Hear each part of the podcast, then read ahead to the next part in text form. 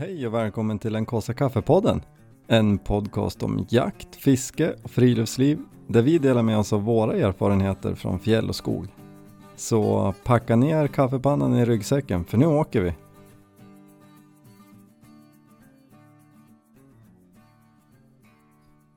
Så, sitter jag på Lundagsjärpen med Mats Håkan Lundahl.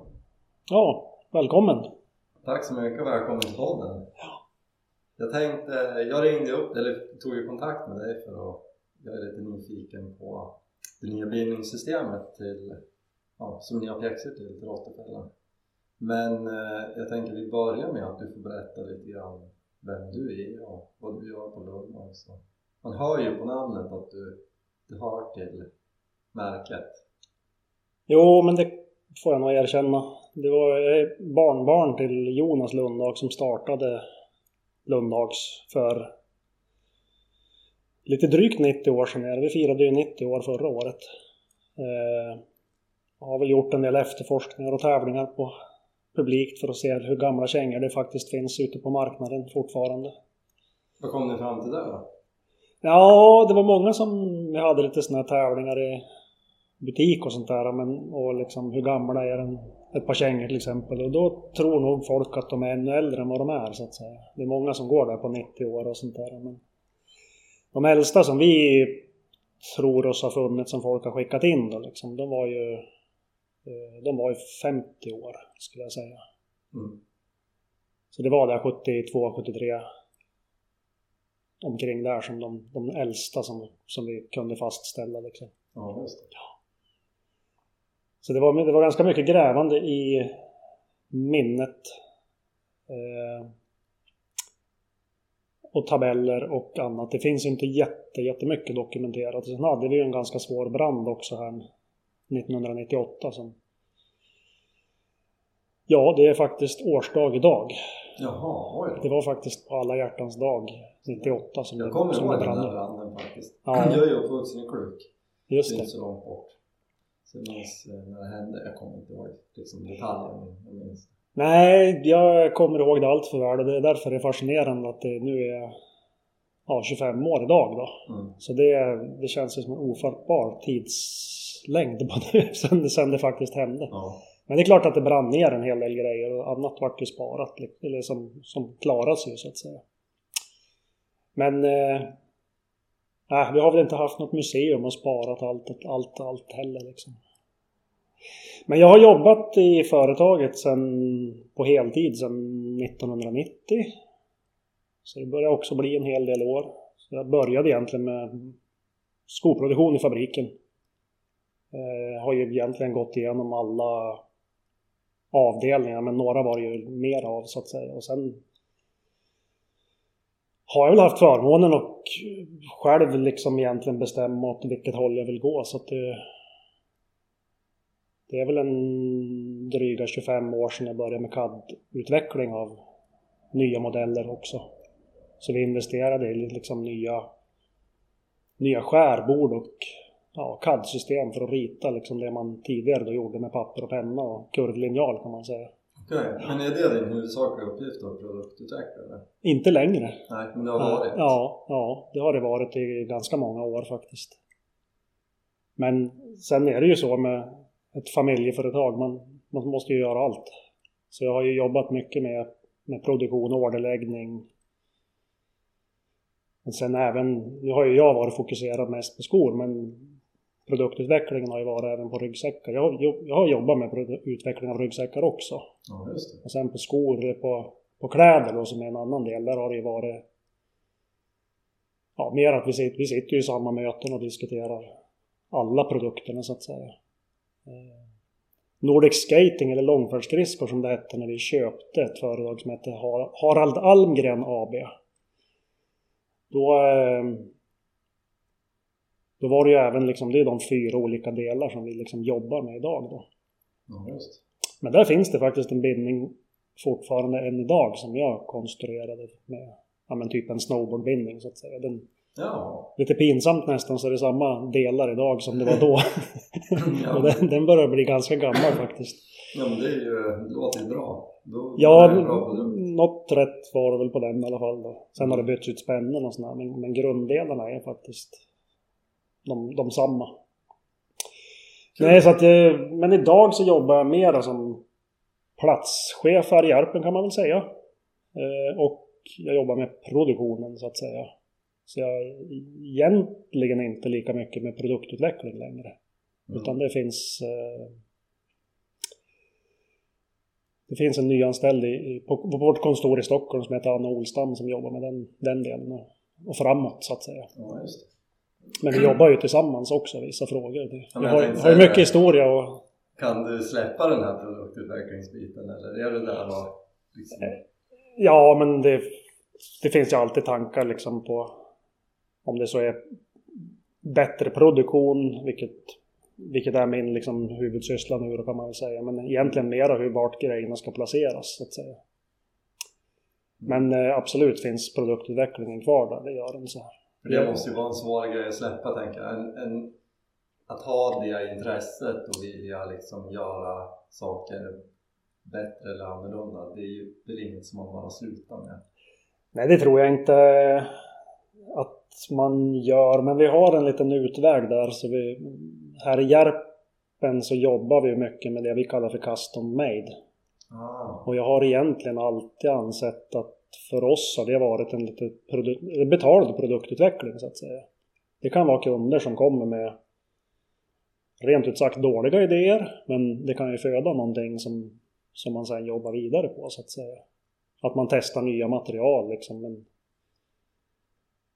första paret kanske inte varit perfekt men materialet i sig varit intressant eller så. Så, så det har det absolut varit. Eh, Häftigt! Det är ju ett väldigt bra sätt att ta tillvara på andra folks åsikter och idéer också. Ja. Eh, så det, vissa grejer gör vi men kanske inte tycker att det är en bra idé så att säga. Men det leder väl alltid någonstans. Det svåra är väl att ta betalt i, ja, i, rätt, i rätt ordning så att säga. Ja. Men så det, det, är ju en typ av produktutveckling, det är det utan tvekan. Mm.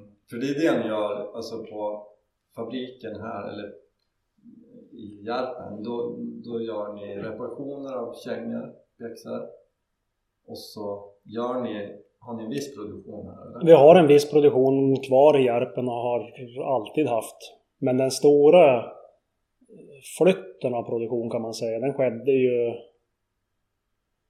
jag skulle säga 2005. Eh, men kanske redan 2000 började vi liksom titta på Portugal som, som produktionsland. Mm. Sen vill jag minnas att det var, eller det var 2005, vi hade en viss del produktion innan men sen gick den, eller den fabriken vi jobbade med då la, la ner sin verksamhet helt enkelt. Och eh, då hamnade vi på en annan fabrik som vi fortfarande än idag jobbar väldigt, väldigt nära med. Där huvuddelen av vår produktion ligger. Så. Ja, också ett litet familjeföretag så vi har väldigt mycket gemensamt. Nu är inte, vi, nu är inte Lunda också ett familjeföretag längre men, Nej, röt, men rötterna, rötterna finns ja. där. Ja. Men sen har vi, vi har ju producerat även i, i Italien som också är ett stort skoland så att eh, förr jag skulle säga på 90-talet då gjordes ju mycket början på 2000-talet då gjordes ju mycket av de här klassiska 75 mm skridskopjäxorna som vi hade, de, som, de gjordes ju i Italien från början. Ja, så den typen av skor. Men idag pratar vi om att det är liksom som vi, vi, vi säger shell boots, alltså skalkängor på mm. svenska. Det är ju liksom det som vi kanske är mest känd för, för, för många när det gäller skor. Då liksom. Det är liksom våran nisch, även om det finns olika avsteg och andra typer av modeller och så vidare. Ja men där håller jag med. Som, som jag känner Lundberg så är det ju här SCAR-systemet i skor. Ja. Det är väldigt starkt förknippat med varumärket. Ja. Men det finns, det, har, det finns säkert kunder som bara tror att vi gör kläder också. Till exempel. Ja, det gör så att säkert. Eh, mm. de känner inte till några andra delar så att säga. Nej, precis. Så, ja, eller, eller ryggsäckar också vet jag att det var liksom, det var, det var vad Lundhags var så att säga. Mm. Men det, det började som en, som en sko? Eller som en ja, absolut, absolut. Det var... Det var ju ett byskomakeri. Det var ju flera av farfars bröder som var skomakare. Eh, och även i generationer innan dess så var det ju skomakarsläkte så att säga. Ja, Spännande! Ja. Men eh, nu har vi hört lite grann om dig och liksom om Lundags i stort. Och jag kontaktade er för att jag eh, såg att Rottefella har ju kommit med en, en ganska ny bildning, den är inte Och eh, jag tyckte att ni var ganska snabba på att ha en egen pjäxa till det här bindningssystemet. Och, ja, så jag tänker att vi vill höra lite mer om det och vad det är för någonting. Ja, jag tror att eh, enklast att förklara det är nog att backa bandet egentligen. För att eh, vi har ju jobbat med Explorer-systemet i tre år nu tror jag det är. Det vart inte jättemånga mil liksom första året när det liksom bara fanns prover att få tag på liksom på sulorna. Så. Men eh, vi, vi, vi testade genom att sätta den på befintliga modellen som är, som är guide, våran guidemodell då, så att säga. Och eh, upptäckte att det, det funkade väldigt, väldigt bra. Men historien börjar egentligen mycket, mycket tidigare än så.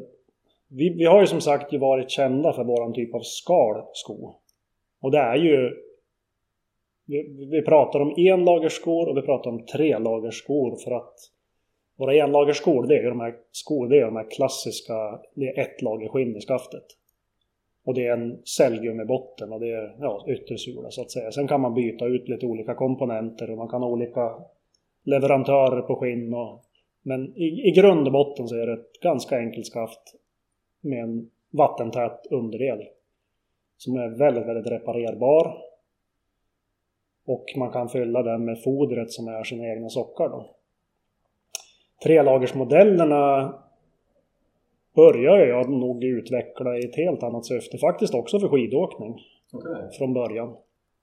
Eh, min pappa gjorde ju modeller med på samma sätt fast med andra material så att säga. För att styva upp konstruktionen så la man in cellgummi kan man säga i mellanskikterna, gummilager i mellanskikterna.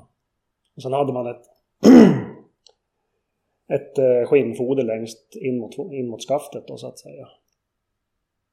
Men den typen av skor blev ju ganska hård och det, det krävde nog lite ingång men det är ingenting unikt i, i skovärlden i historien att man behöver gå in skor. Nej, precis. Det finns många som än idag tillverkar skor som man behöver gå in och lida lite grann för. Jag räknar inte oss dit längre. Men eh, vi började liksom att utveckla med neopren som var liksom ett material som var väldigt förlåtande. Det var stängda ställer vilket gör att det inte absorberar fukt i skon. Och sen ett lager med skinn på insidan som idag är utbytt mot mikrofiber istället då. För att det har så mycket bättre egenskaper och livslängd och sådana saker. Så det här är liksom ett, ett ytterskinn, ett mellanskikt som är stödjande eller komfortzonen brukar jag också kalla att det liksom ligger i. Det beroende på lite modeller då. Hur man, hur man lägger upp det där. Men eh, så det är en och tre lagers men sen egentligen de här som vi kallar för Feltline. Där är det ju en, en löstagbar innersko. Att idén har ju alltid varit att du ska kunna plocka ur fukten. Och jag tror att den första modellen, Husky, tror jag den hette redan då faktiskt. Den kom någon gång i mitten på 80-talet. Ja, den är så? Ja, faktiskt så är det det. det, det jag vet par som fortfarande går runt här i dalgången med den, den där klassiska Husky-kängan med röda sömmar på den. Det var ganska unikt på, på den modellen.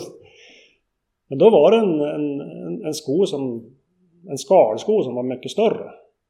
Man kan säga att det var två storlekar större på skaftet. Eh, och en mycket större bottendel och då fick det plats en 4 mm ullfilt socka.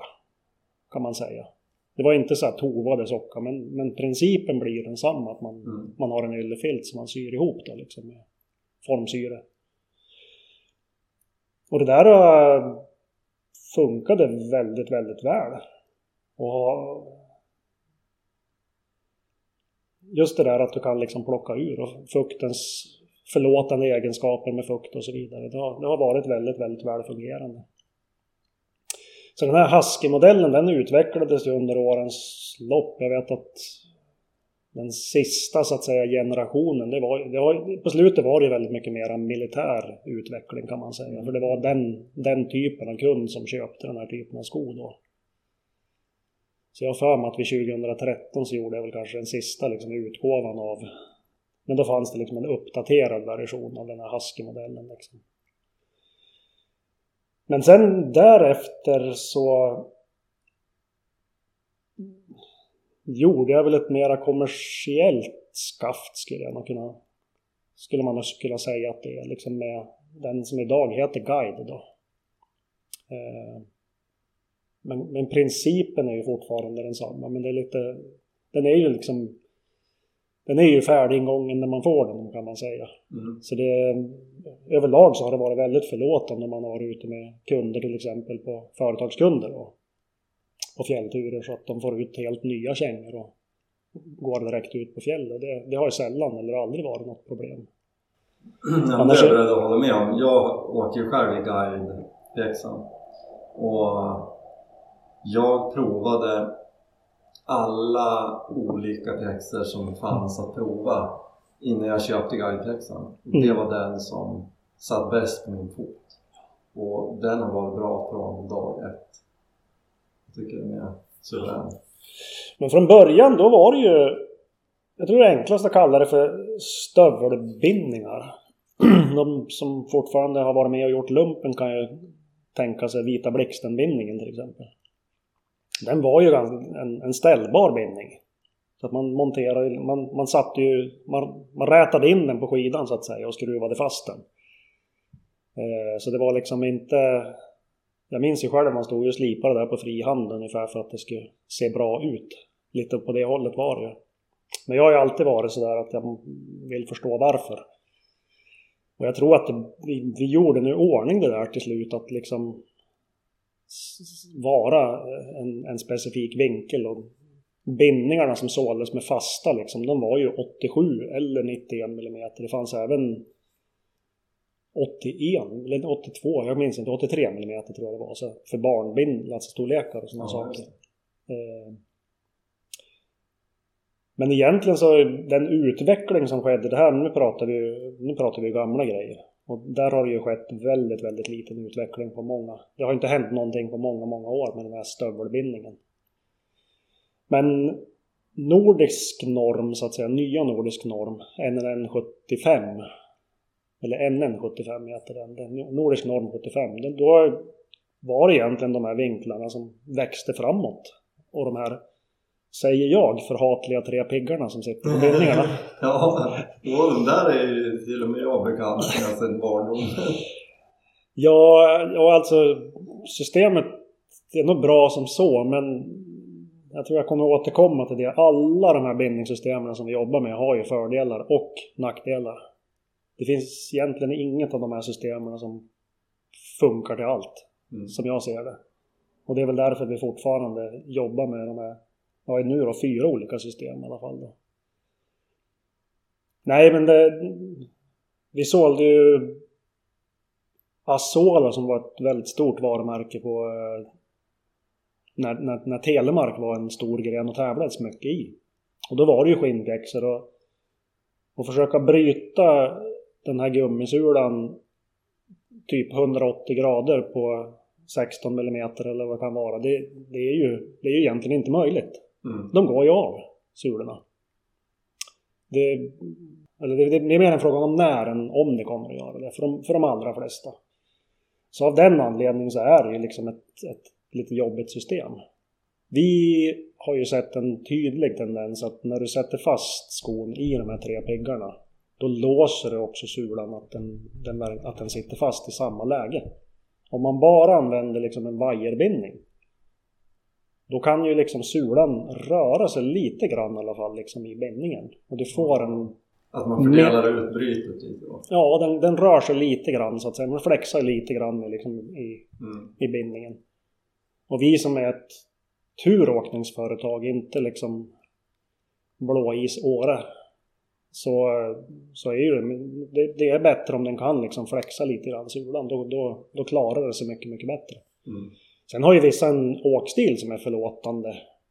Eh, och det är nog ytterligare en försäkran att det, att det liksom håller sig bra då. Så att, ja men det tror jag. Ja. Alltså man går ju på tur på olika vis. Jag, ja. jag till exempel jagar ju mycket toppfågel. Eh, och det är ju förmodligen mycket mer påfrestande på utrustningen än någon som går på tur till Sylarna en gång om året. Liksom, på en fin led. Jo men så, det finns olika, det är, jo, men olika påfrestningar och olika åkstilar och sådana saker. Men mm. Det sitter ju en liten förstärkningsplatta, den kan vara Förr var det ju en plåtbit som låg där under och en plåtbit ingjuten i gummi den mm, Finns det en brottgräns så är den ju precis bakom för plattan. Mm. Det, det, kan man nog räkna ut om man Ja. Idag sitter det en liten kompositplatta där framme men det är fortfarande en förstärkning. Men det, det byttes mycket sulor på den tiden det var telemarkstävlingar. Det, det mm. gjorde det. Men så det, de två olika liksom skorna som då blev den här Guide Expedition som, jag, som den döptes till sen. De, de har ju... Bägge jobbar ju med väldigt, väldigt gamla bindningssystem men de har sina kunder av olika anledningar. Eh, jag tror faktiskt att det vi säger, det finns de som säger 90-systemet men 91 mm bindningarna på, eller om man säger skir och som vi kallar det, det. Jag tror att de kommer att komma tillbaka faktiskt. Mm. Det finns en nyutvecklad bindning och kunden i det här fallet är nog kanske mer en militär del. Som vi säljer ganska stora volymer till faktiskt. Ja, just det. Och det har blivit mer och mer inriktat på kalla förhållanden. Och, och det, det, har verkligen gynnat oss att säga, både i utveckling och så vidare. Men så det finns eh, det finns mycket trupper som... Fördelen med skisystemet är att det är en vanlig vandringshula kan man säga fast du har ju de här kanterna så att säga. Just det. Så den, är, den pjäxan är ju liksom varmare, den är mycket bättre att gå i. Den blir inte lika styv eller? Nej men du har ju inte den här liksom Är det isigt ute liksom som det, eller det kan ju vara kallt utan att har kommit snö än. Och det ska marscheras och så vidare. Så på så sätt så är den liksom bindningssystemet en mera allround sko. Du kan mm. ju faktiskt ha den till andra saker. Men 75 mm sulan som har en väldigt hård bindning där det sticker ut en bit fram. Och längst fram så är det inget mönster heller utan och den ja, och springa runt med den i en stug, alltså vid stugan så att säga, det, där det kanske är isigt och sånt där, det är inte särskilt det är inte mm. särskilt bekvämt liksom. Det är ingenting du skulle tänka att jag kommer att gå först en mil och sen ska jag börja åka skidor. Det, det är inte riktigt så man planerar den turen tror jag. Nej. Så det är väl en nackdel. Dels hållbarheten och dels idag blir det, det är lite svårare att få tag i 75 mm bindningen också. Men mm. Vi vet ju att de används ju av olika förband tillsammans. Volés switchback och det måste jag säga tycker jag är en... Den är dyr men det är verkligen en funktionell bindning. Det är väl en, en telmarksbindning eller? eller? Ja men det är någon tur tur telemarksbindning skulle jag säga. Den har inte de här tre piggarna. Mm. Men den här switchback som den, du, man kan liksom releasa den kan man säga. Då sitter den i en pivotpunkt. Som är ganska trevligt injusterad om man jämför. Liksom. Då går det helt fritt. Ja. Eh, och det är liksom en inbyggd upphöjningsplatta i den också så du har en ganska bra frigång liksom i, emot snön då.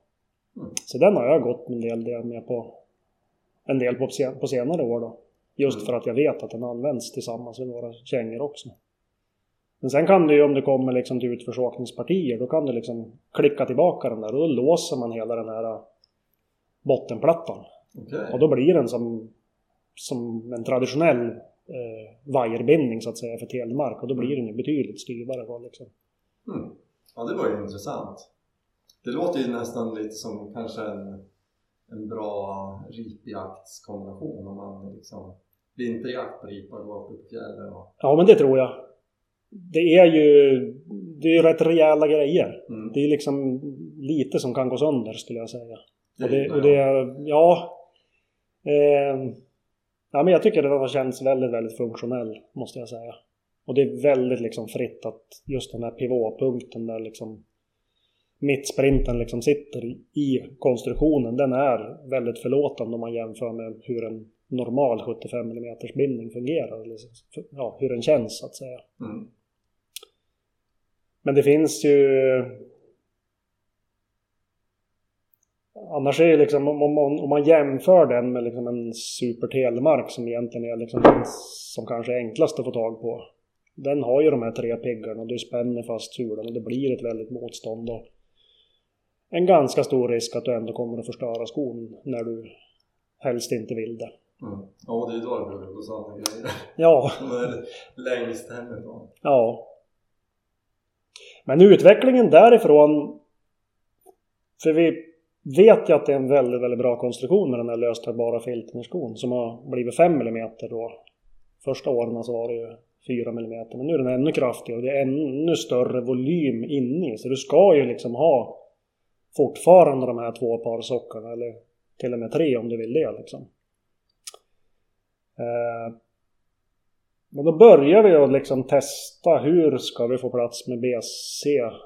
Och BC är också ett sånt där bindningssystem som jag tror börjar bli en 30 år nu. Ja, det har ju funnits. Det, det, man, man, kanske tycker det är ett nytt system. Ja, det känns ju modernt i sammanhanget. Ja, ja. men 30 år är också en lång tid. Men där köper man ju, vi som producent då, om man, om man har en licens, då köper man ju färdiggjorda sulor. Så vi kan ju inte påverka någonting egentligen på den, liksom formen eller någonting. Utan vi måste liksom försöka få våran läst som det kallas, det man bygger skon på, att passa i den här plastformen. Jaha, det måste ha varit en utmaning eller? Ja, det var inte alldeles lätt. Jag tror att också vi har ju byggt väldigt mycket utifrån funktion och jag tror att det känns som att mycket andra skor byggs utifrån utseende ibland. Eh, sulor är väldigt, väldigt smala liksom. Om man tittar generellt. Men jag tycker vi har lyckats väldigt bra att eh, fortfarande ha en väldigt bra bredd. Men ändå få plats på det här BC-systemet. Eh, vi använder på expeditionsmodellerna så använder vi två storlekar större sulor på för att liksom få plats. Ja, Och det, det har fungerat väldigt bra måste jag säga. Så det är klart att det systemet det är liksom det som civilt säljs från våran sida. Mm. Och där har vi då börjar vi ha liksom två olika modeller. Dels den BS Guide BC som du har, förstår jag. Mm. den, jag brukar säga den, den filten är tunnare. Den är säg 3,5 mm då. Mm. Och då bygger den inåt. Längden är liksom rätt så att säga. Men den bygger inåt och ersätter ett par extra sockar kan man säga. Okay. Så det blir ju liksom en tajtare passform på den. Det, det var inget jag tänkte på när jag köpte den. Nej, nej det, det, är så svårt att säga, prata storlekar på vintergrejer. För man har så oändligt olika liksom, tänk på hur det ska liksom funka. Och så här. Men alla modeller från oss som heter någonting med Expedition de har ju den här liksom klassiska liksom att inne i den innerskon så har det fortfarande samma volym som på våra vandringskängor kan man säga. Och sen kommer filten utanför det som är 5 mm. Nu fattar jag lite, jag har ju expeditionskängan. Alltså vinterkängan. Ja, den, den Skare Expedition. Eh, ja, så kanske det. Den, nya, den nyaste så. Ja, ja, den, ja den jag har är, den är nog fem, fyra, fyra år kanske. Men, ja, men den är ju väldigt rymlig om man då jämför mot Plexan. Eh, ja. Även fast de båda har den här filten. Precis. För övrigt, jag har jätteproblem med mina tår. Jag har fryst dem våldsamt en gång. Så att, jag fryser otroligt lätt. Och den kängan, det är den, det är den enda som jag har känt att så här, oj, den här håller jag mig faktiskt varm. Ja. ja, men det är... Jag tror nog att det är nog den varmaste vi har gjort. Vi gjorde ju kängor 1987 till svenska Mount Everest-expeditionen. Jaha. Eh, och det var ju en, det var faktiskt utan filt men det var ju oändligt tjocka material i sulorna framförallt. Mm. För att bli stegjärnsfast och sådana saker. Men jag skulle nog tro att en Skara Expedition, vi använde ju ett, ett, ett NASA-material som heter Aerogel. Och det ligger ju i, i sulan, i filtsulan. Den, den kan man ju köpa lös och lägga i andra modeller, vilken modell man vill så att säga. Det är en väldigt bra uppgradering om man är frusen. Mm. Den ser ju likadan ut och den, den bygger lite, lite grann mera. Men det är ett väldigt, väldigt isolerande material. Och sen hela liksom tåboxen är också isolerad med det här aerogel-materialet. Och sen är det ju volymen. Så mm. expeditionsmodellen har ju en större volym. Men det finns ju då... Man kan ju tänka sig att man har den vanliga 3 mm. Man väljer en storlek större. Och så får du plats med mera socker. Men det finns ju också de som kan välja Expedition och gå ner en storlek. För att de vill ha en tajtare passform och liksom ja, inte volymen liksom. Mm. Men sen har vi ju kunder som köper de två storlekar större också. För att de ska patrullera Grönland en vinter. Ja. och, och, så därför är det väldigt svårt att svara på liksom den optimala storleken. Men om jag måste svara då säger jag ju att du ska ha samma storlek som du har på vardagsskorna. Mm. För det funkar ju för liksom 80% oavsett vilken modell det är. Om man inte har väldigt speciella fötterna då. Ja, för då kan man ju behöva gå över på det som jag pratade om innan, custom made då. Mm. Om man tar från oss. Nej men så... Om man tar från Ski som är det absolut äldsta. Vita blixtenbindningen eller NATO 120 om man kan få tag på sådana. Eh, ganska tunga grejer men bra att gå med. 75-systemet som är nyare Låt bli de där tre piggarna. Inte särskilt kul att gå med. Utan där är det ju skidåkning som gäller. Eh, men, men skon är ju densamma. Det är ju liksom i princip, det är ju samma ingående material i, i de här modellerna. Och sen BC-systemet. Billiga bindningar. Jag tror det kanske ligger på 900 ordinarie pris idag. Mm. Men de är ganska de är lätt att få tag på väldigt liksom funktionella. Det funkar ju för alla. Det är bra att åka långfärdsskridskor med om man håller på med det till exempel. Funkar helt okej okay att gå i. Ja, eh, absolut. Det tycker jag. Det är ju inte en, det är ingen gummisula utan det är ju plast så att säga. Men om man jämför med skatingpjäxor i hårdplast så är de ju jättebra att gå i. Ja. allt är ju relativt. Mm. Men eh, och där finns det ju liksom en, en tajtare då som den som bara heter Guide BC eller Guide Expedition BC som är den liksom kraftigare, större volymen och skulle jag säga den som är... Du pratar om toppjakt och sådana saker. Då är det ju nästan uteslutande liksom den Expedition som folk brukar mm. sikta in sig på. Men även eh, jag tycker liksom den här expeditionsmodellen den kommer till sin rätt liksom efter, efter första natten i fält. När du har tältat. Mm. Andra då brukar det här med fast foder vara ganska eh, mättat.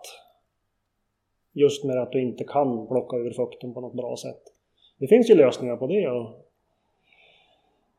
använda liners som är vattentäta till exempel för att hålla sockorna täta då. Ja, och det är precis. lite annat pyssel mm. som man kan, man kan hålla på med. Ja, jag tycker att det, ja, det där är helt överlägset om man tältar på vintern och kunna ta ur den här filtskon ja. inuti och lägga den i sovsäcken på natten. Det är, jag kan inte se en bättre lösning. Nej, det är ju ganska bulkigt att ha på det, eller ha den alla... Först skulle man lägga med pjäxorna runt magen och det var ju ja. direkt obekvämt. Eh, då är ett par liners ganska litet men jag har ju faktiskt hört flera som, som har dem på fötterna mm. och torkar dem så. Ja, precis. Eh, det, ja, men det, det är som sagt första natten, det, det klarar man med, med allt möjligt. Ja, det, det är ju liksom andra natten när det liksom börjar bli... Då måste man börja liksom... Man måste vara medveten om det innan tror jag liksom. Mm. Men där finns det ju ett väldigt, väldigt bra system med uttagbart. uttagbart. Men därifrån så var ju steget inte så långt till det nya Explore-systemet. Och vi fick ju tillgång till provsulor och provbindningar redan det måste ju vara 2021 vintern då.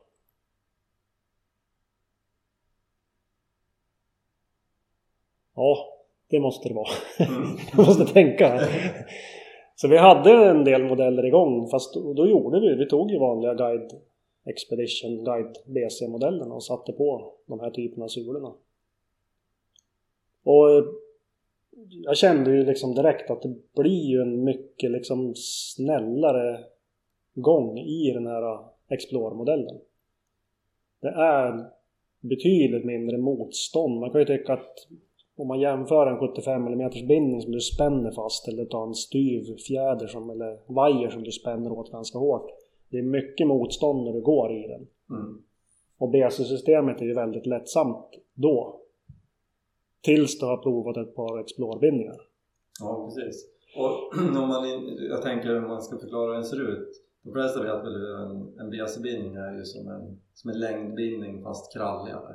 Ja, och det kan man säga. Den här Explore-bindningen den är ju som en, som en inverterad dynafitbindning eller täckbindning för topptur. Alltså istället för hål i, i sidan på sulan så är det piggar. Ja, det är fjädrande piggar som sitter i liksom en, ett, en kassett eller ett mm. rör eller vad man ska säga som är fjädrande. Så det är, man kan säga att det är en, ja, en inverterad Mm. Eh, jag tycker nog det vi har sett hittills så har det varit...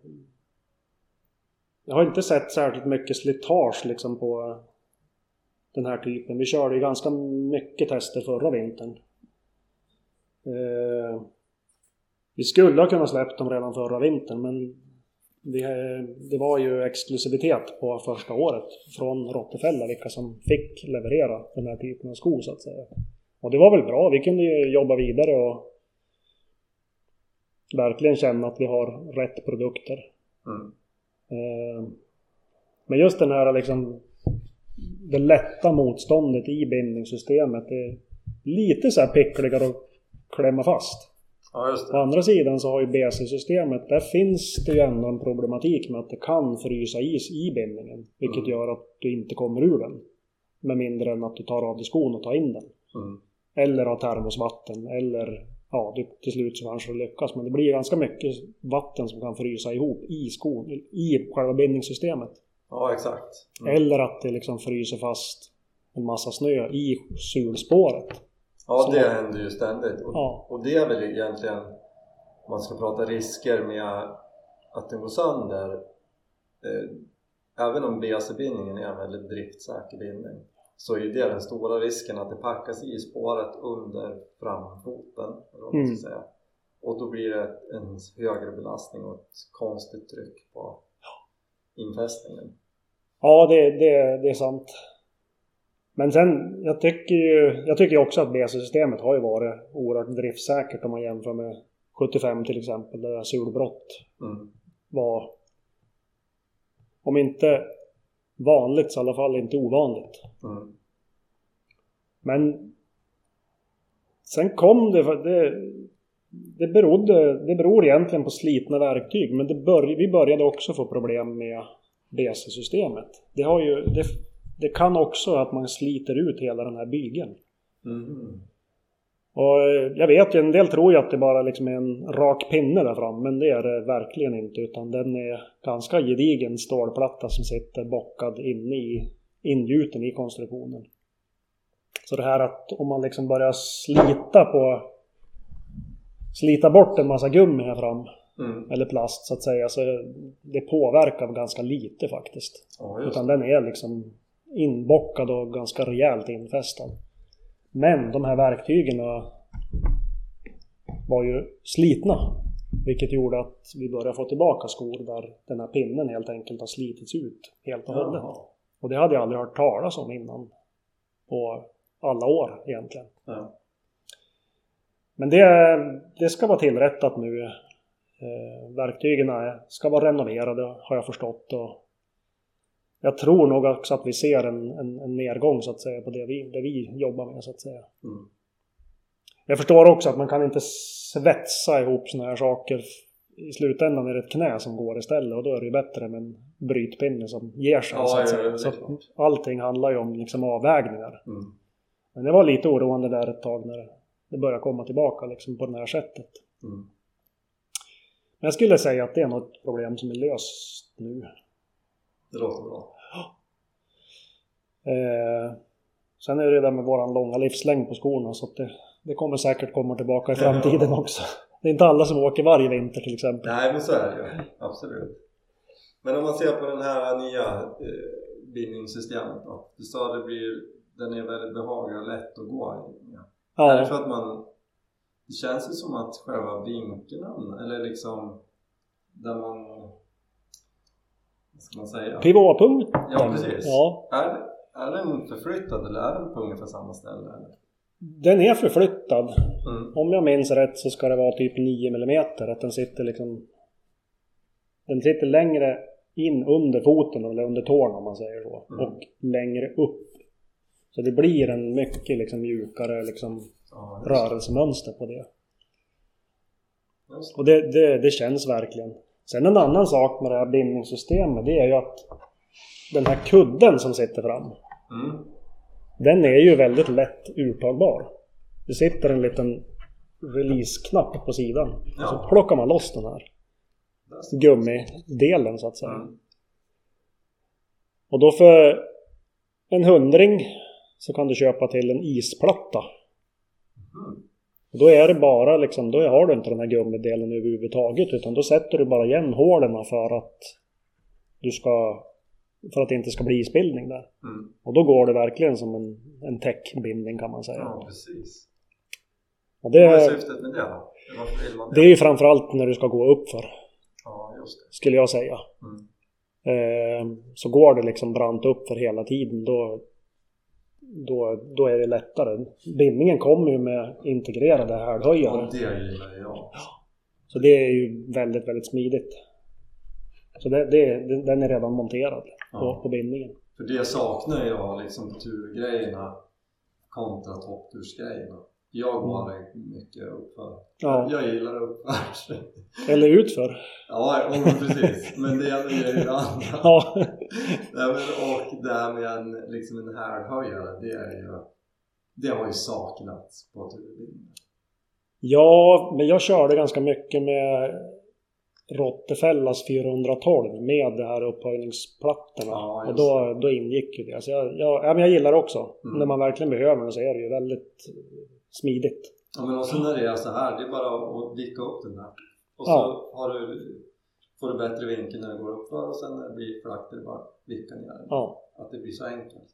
Nu gjorde jag en väldigt kort test förra helgen. Eh, men då provade jag liksom att sätta på den här isplattan i bindningen när vi gick upp för en, en, en skidbacke var det i Högläckardalen. Mm. Eh, och, och, sen bytte vi ut dem mot en hard flex. Mm. Det här är ju liksom den normala. Mm. Men hard flex den är, den är klart kralligare liksom och mera gummi. Och då får du en ganska rejäl liksom stabilitet i bindningssystemet. Känns bättre utförs då? Då blir det ju en mycket stabilare utförsbindning. Mm. Så hela det här systemet som, som jag... Jag tror inte att det kommer att ersätta BC-systemet. Det tror jag inte. Nej.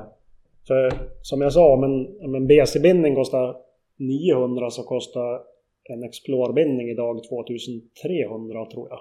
Ja precis, det blir och jag, Ja, och jag skulle bli förvånad om det inte blir högre eftersom alla priser har gått upp utom det priset. Mm. Så eh, jag tycker nog att det... Men, men, samtidigt, är det, är det någon som jag vet åker mera, åker mycket turåkning och så vidare, då, då rekommenderar jag utan tvekan Explore-systemet. Mm. Jag tänker också att man förflyttar ju eh, ute lite åt sidorna, då blir det mer vridstyr. Absolut, ja bra du tog upp det. Eh, jag vill minnas att det ligger lite strax över 4 cm på en BSS-bindning. Och här ligger det på dryga 70 tror jag det är. Ja. 75 om jag minns rätt. Ja, så det, det, är liksom det är väldigt mycket bredare och, och du känner verkligen stabiliteten. Mm. Så det, det, det, det är stor skillnad också.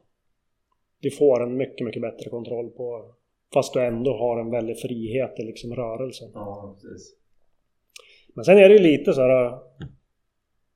Och, och, och snabbt komma i dem. Det, det, jag upplever inte att det var problem med snö. Men däremot liksom om du inte har, om du har ett mjukt, om du, mjukt underlag. Mm. Att skidan kantrar lite grann så att säga. Så man, man bör verkligen känna efter att man klickar i och testa och liksom vrida foten lite grann innan man skidar iväg. Mm. Man ser i alla fall piggarna uppifrån. Man borde kunna sikta in sig linjen. Jo det gör man. Men, jag, men, men som sagt det... det... Men jag, jag förstår vad du menar. Men tänk, det kanske också är vana... Alltså jag vet inte hur många folk är med ut på tur som man får hjälpa dem på med BS-bindningen. Och så ja. står jag där och tänker så här, men det är bara att stoppa i foten och knäppa i den. Ja, det är inte snö och is då som är problemet då kanske? Ja, men jag, jag tror att det är van, alltså att man ja. missar liksom... Ja, jo det är klart. Så jag tänkte det kanske finns en vanegrej, men jag förstår ja. du. Ja. Och sen sulan på den här, är den bättre att gå i liksom mot en DC-sula eller? Ja men det, det är den. För det har ju de här spåren, styrspåren. Ja. Och jag vill minnas att det är en mycket bättre gummiblandning och, eller en plastblandning. Det är inte... Ja, den här känns ju lite mer som en ja. skosula ja. eller vad man säger, käng. Men det är också en grej som jag vet har ändrats från första generationen yttersulor så att säga. Mm. För det... Man, man såg att det slet liksom för mycket om man gick på parkeringar eller... Tanken med det här systemet är ju liksom att BC, då går det nere i dalen om man säger så. Mm. Det här är ju ett system som ska kunna... Du, du går högre på toppturer. Att det är liksom det segmentet, inte kanske upp till det du säger täckbindningar och plastskor. Nej, men, men, men, men, men, du ska kunna gå liksom högre på fjället, du ska kunna ta av det, du ska kunna gå sista biten i stenskravlet upp på toppen liksom. Och det funkar det mycket, mycket väl för. Mm. Det är min upplevelse. Men man har då liksom till årets produktion bytt ut gummiblandningen, plastblandningen för att vara mera motståndskraftig. Mm. Så det kan man se på. Samtidigt så en annan grej som jag vet är fixad till i år också det är att det fanns fåtal där piggarna faktiskt fastnade. Okay. Och då pratar en del om isbildning och sådana saker. Det har ju varit mycket funderingar i hur det här systemet fungerar. Eh, men det är väl olika forums Mm. fulla rättighet att spekulera i saker man inte förstår. Men eh, det är ju inte en isbildning utan det, är, det har varit små toleranser som man har rättat till nu så att säga till, till generation två kan man säga. Ja, just det. Så det Det var väl en vettig strategi att inte släppa det jättebrett så att säga första året. Ja, men helt klart. Ja. Men det är överlag så och då jämför jag ju med BC-systemet liksom de senare åren och då så tycker jag det har varit väldigt lite problem första, första året skulle jag tycka. Mm. Kul! Ja, jag tycker det här ser ju spännande ut. Det, det känns ju som ett eh, smart koncept. Ja, jo men det, det, det tycker jag verkligen. Och jag, jag förstår ju, ja, men som du har varit inne på, vad, vad den kostar och liksom vad den kanske är mer ämnad för den här bindningen och pjäxan. Men som för mig så känns ju det här verkligen intressant kontra BC. Det vanliga BC. Ja, även, även, även skon blir ju dyrare.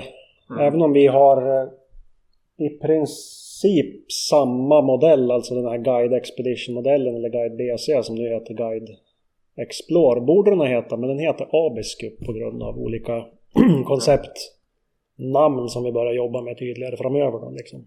Så den heter Abisker, den Explore-modellen då. Mm. Men det...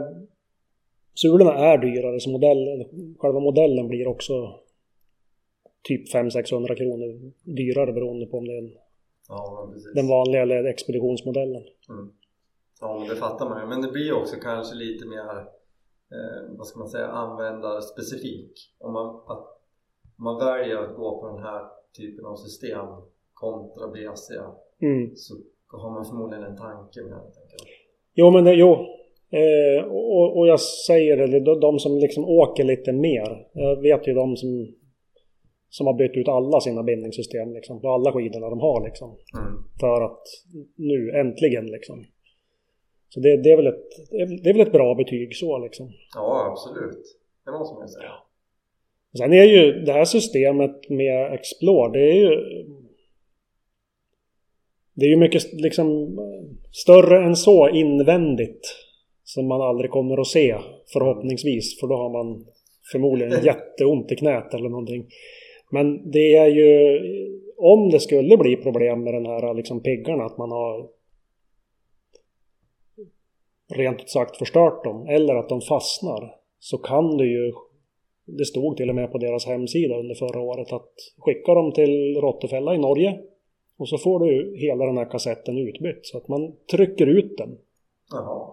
Och så stoppar man i en ny så att säga. Okej. Okay. Så det kan ju vara ett tips på dem som om någon hade problem med sina modeller förra året mm. så, så, så, är det en, vad jag vet en fri service. Att bara skicka Alltså det här gillar ju jag och det är ju, det är ju en sak som jag gillar med, med el, alltså Lundborg som varumärke också, att man kan laga grejer. Alltså istället för att man bara så här, här är mina pjäxor, då vill jag reklamera och så kastas de och så hämtar man ut det på nytt. Det, Ja, det kan man ju bli glad av kortsiktigt men... Jo absolut, alltså kunden blir ju såklart nöjd men Ja, jag tycker det är fint att man kan laga det. Jag har ett par gamla lungvagnskängor. Jag har haft in dem på service ett par gånger. Urban har sytt ihop dem. Mm. Något hål liksom. Och, och höra att det går att göra det även med den här ja, som inte ni ansvarar för utan Rottefälla och Sura. Ja. Det är ju suveränt. Ja. Jätte, jättebra. Ja. Nej, så det, sen det vi brukar göra så att säga på de här olika typerna på på skisystemet så går det att byta sula. Mm. Men ofta så byter vi ut hela liksom gummidelen. Ja, just det. Så att man behåller sitt skaft och ja, om inte innerskon är för sliten så kan man ju behålla det också så att säga. Mm. Men även till Abisko-systemet så att säga, den nya modellen som kom den här vintern då, så har vi utvecklat en, en provversion kan man säga av innerskon. Mm. Så nu har den eh, en, en plöskonstruktion. Okay. Med ett elastiskt band så att du kan ha dem som stugskor också till exempel då, utan att de ramlar av. Och den här plösen, den, det blir ju liksom, den fördelar ju trycket ännu bättre över framfoten i snörningen. Mm. Och har man lite tunnare fötter så, så sitter man ju bättre i skon också. Och den här öppningen som finns tidigare. Det, det är klart, det är inte mycket men det, det blir ju liksom en, en öppning i, i, i, konstruktionen kan man säga. Mm.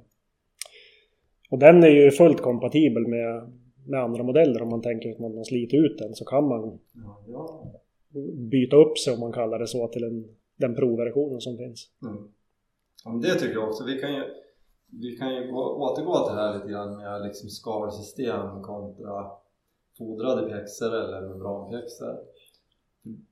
För där har vi också en sån grej som ökar livslängden, tänker jag. Att, ja men nu är min filt innersko utsliten, då byter jag den till ny. Ja, det är ju en väldigt eh, bra uppgradering. Mm. Eh, framförallt om man fryser. Filten komprimeras ju. Den blir ju full av skit. Mm. eh, jag har testat att liksom köra med disk, eller tvättmaskin heter det. Mm. Ja, det är faktiskt ingen dum idé. Kepsar så ska du tvätta i ja, diskmaskin ja. så att det är inte, inte helt fel Nej. om man säger så. Men det kan du... Jag tyckte att jag såg egentligen ingen liksom, nackdel eller problem eller skador och då var det ändå liksom skinndelar på den här innerskon.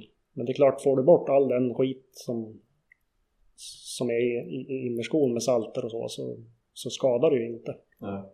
Men det går också att byta ut så att säga. Mm. Från oss kan det ju vara viktigt då, även om inte vi byter modell varje år så, så händer det. Mm. Och ibland så finns inte den modellen man har. Så det är, det är viktigt att veta liksom exakt vilken modell man har för att det ska bli ja, rätt passform. Ja, på, ja. Liksom. Mm. på en gammal Polar Quest till exempel så har ju den funnits i tre olika versioner eller något sånt där. Ja. Då, då kan det ju spela roll vilken... Jag har ju svart eh, sån här filt till min guide. Ja. Och det betyder att den är lite nyare, för det var grå på alla förut. Men jag tänkte att det var pedagogiskt att försöka förklara att de svarta, de funkar inte i de som har haft grå innan, kan man säga. Expedition, då är det 5 mm filt. Mm. Och det är mycket större volym. Du får aldrig ner den i en som har en svart liner. Ja. Utan, och en vanlig fråga också är liksom att kanske inte på skidskorna men på skarmodellerna att man ska kunna plocka ur innerskon på sommaren och ha den som en sommarsko. Mm. Men det brukar jag avråda av rent matematiska skäl. Mm. Omkretsen det blir, det blir så stor volym så att det, det, det fungerar inte. Nej, Då är det bättre att använda innerskon på sommaren också. Mm. Jag har en modell, en stövelmodell som är många år gammal nu som med filten i skor. Jag använder den dagligen hemma. Jag klipper gräs i den, jag gör allt i den. För alla andra skor på marknaden är ju fodrade. Ja, så egentligen så, så har ju inte ullfilten något liksom problem att fungera även på sommaren. Nej. Det fungerar faktiskt väldigt, väldigt väl. Men vi säljer inte på det sättet. Nej, precis. Det blir ju en, det blir en kompromiss på, på något sätt. Ja. Mm. Ja men där har vi väl liksom, för det är väl ull, eh, inte bara ull? Nej, det, men det ligger på 70 procent ändå. Så det, det är, är väldigt, det är väldigt hög grad ull ändå. Och ja. alltså ullens förmåga att ta hand om fukt, inte bara vara varm även när den är fuktig, är ju suverän. Ja, jo men det är det. Så att därav att den funkar även på sommaren. Ja. Nej, så det, det är väl... Vi har ju kört det här konceptet med ullinnerskor ja, länge nu. Det är, det är många år. Men jag tycker att det här... Vi är ju egentligen helt unika på marknaden med den här typen av guide guidemodellen och Abiske-modellen med de olika bindningssystemen och så vidare. Men jag tror inte att det är många som har börjat med det som sen går vidare tillbaka till en, till en fodrad sko liksom. Nej. Det tror jag inte. Eh, det kan ju vara för ett speciellt syfte då, liksom att man vill ha något snabbare eller enklare vad man nu söker. Men, ja, jag tror precis. inte. Och, och det är klart att en sån här känga oavsett bindningssystem blir ju en stor investering. Om man bara gör den här turen i sportstugan en gång per år, då är inte det nödvändigt. Alltså Nej. man kommer ju ha glädje av den såklart. Men, men då finns det ju billigare alternativ. Ja, jo men det gör det ju. Så det är väl det jag brukar säga ibland om... De frågar vad man ska ha för långfärdsskridskor. Jag brukar fråga vad har du för skor? Mm. För det är en bra början. Brukar, men lite skämtsamt kan man vända på frågan. Om du behöver fråga, då åker du inte särskilt mycket. Nej, och, och det kan ju vara liksom en förklaring till att ja, men jag har ju ett par längdskidor. Ja men köp ett par som passar till pjäxorna. Mm. Så behöver du inte investera. Sen kan du upptäcka vad du liksom behöver. Då. Så det tycker jag är ganska självförklarande på det sättet. Då. Mm. Ja, det låter bra. Kul! Nej, jag tycker som sagt att det här verkar väldigt intressant. Ehm, det skulle man ha testat. Jag vet du om det finns någon som hyr ut sådana här i Åre kanske? Ja, men det finns som man kan prova? Du har ju Du har ju outdoorbuddies.se ah. tror jag det är, eller kom. Ja, Outdoorbuddies, tidigare Rent-A-Plug, de hyr ut eh, Jag tror de har även, de har, de har våra pjäxor men jag tror även att de har andra system. Ja, precis. Mm. Och de skickar väl grejer också så att det, det ja, finns ing, inget hinder där. Nej. Ja, men det, är bra det är ett väldigt bra koncept att prova på grejer. Ja, verkligen. Jag var själv ute och provade pulka för första gången på väldigt länge nu. Jaha. Ja. Och då, då hyrde jag den på Outdoor Buddies bara för att kunna testa av ordentligt. Så. Mm. Ja men det är ju jättebra. Ja. Just när det blir liksom stora investeringar och kunna prova grejerna innan. Ja. Superviktigt. Ja. Jo men det är det. Vad testade du för pulka? Jag testade Jamtlanders 14 heter väl den va? Den mindre modellen. Mm. Vad tyckte du? Jag tycker den funkar väldigt väl. Jag gillar, vi, vi gick ju för, förra helgen här blir det då. Då gick vi mellan Vallbo och Högläckardalen.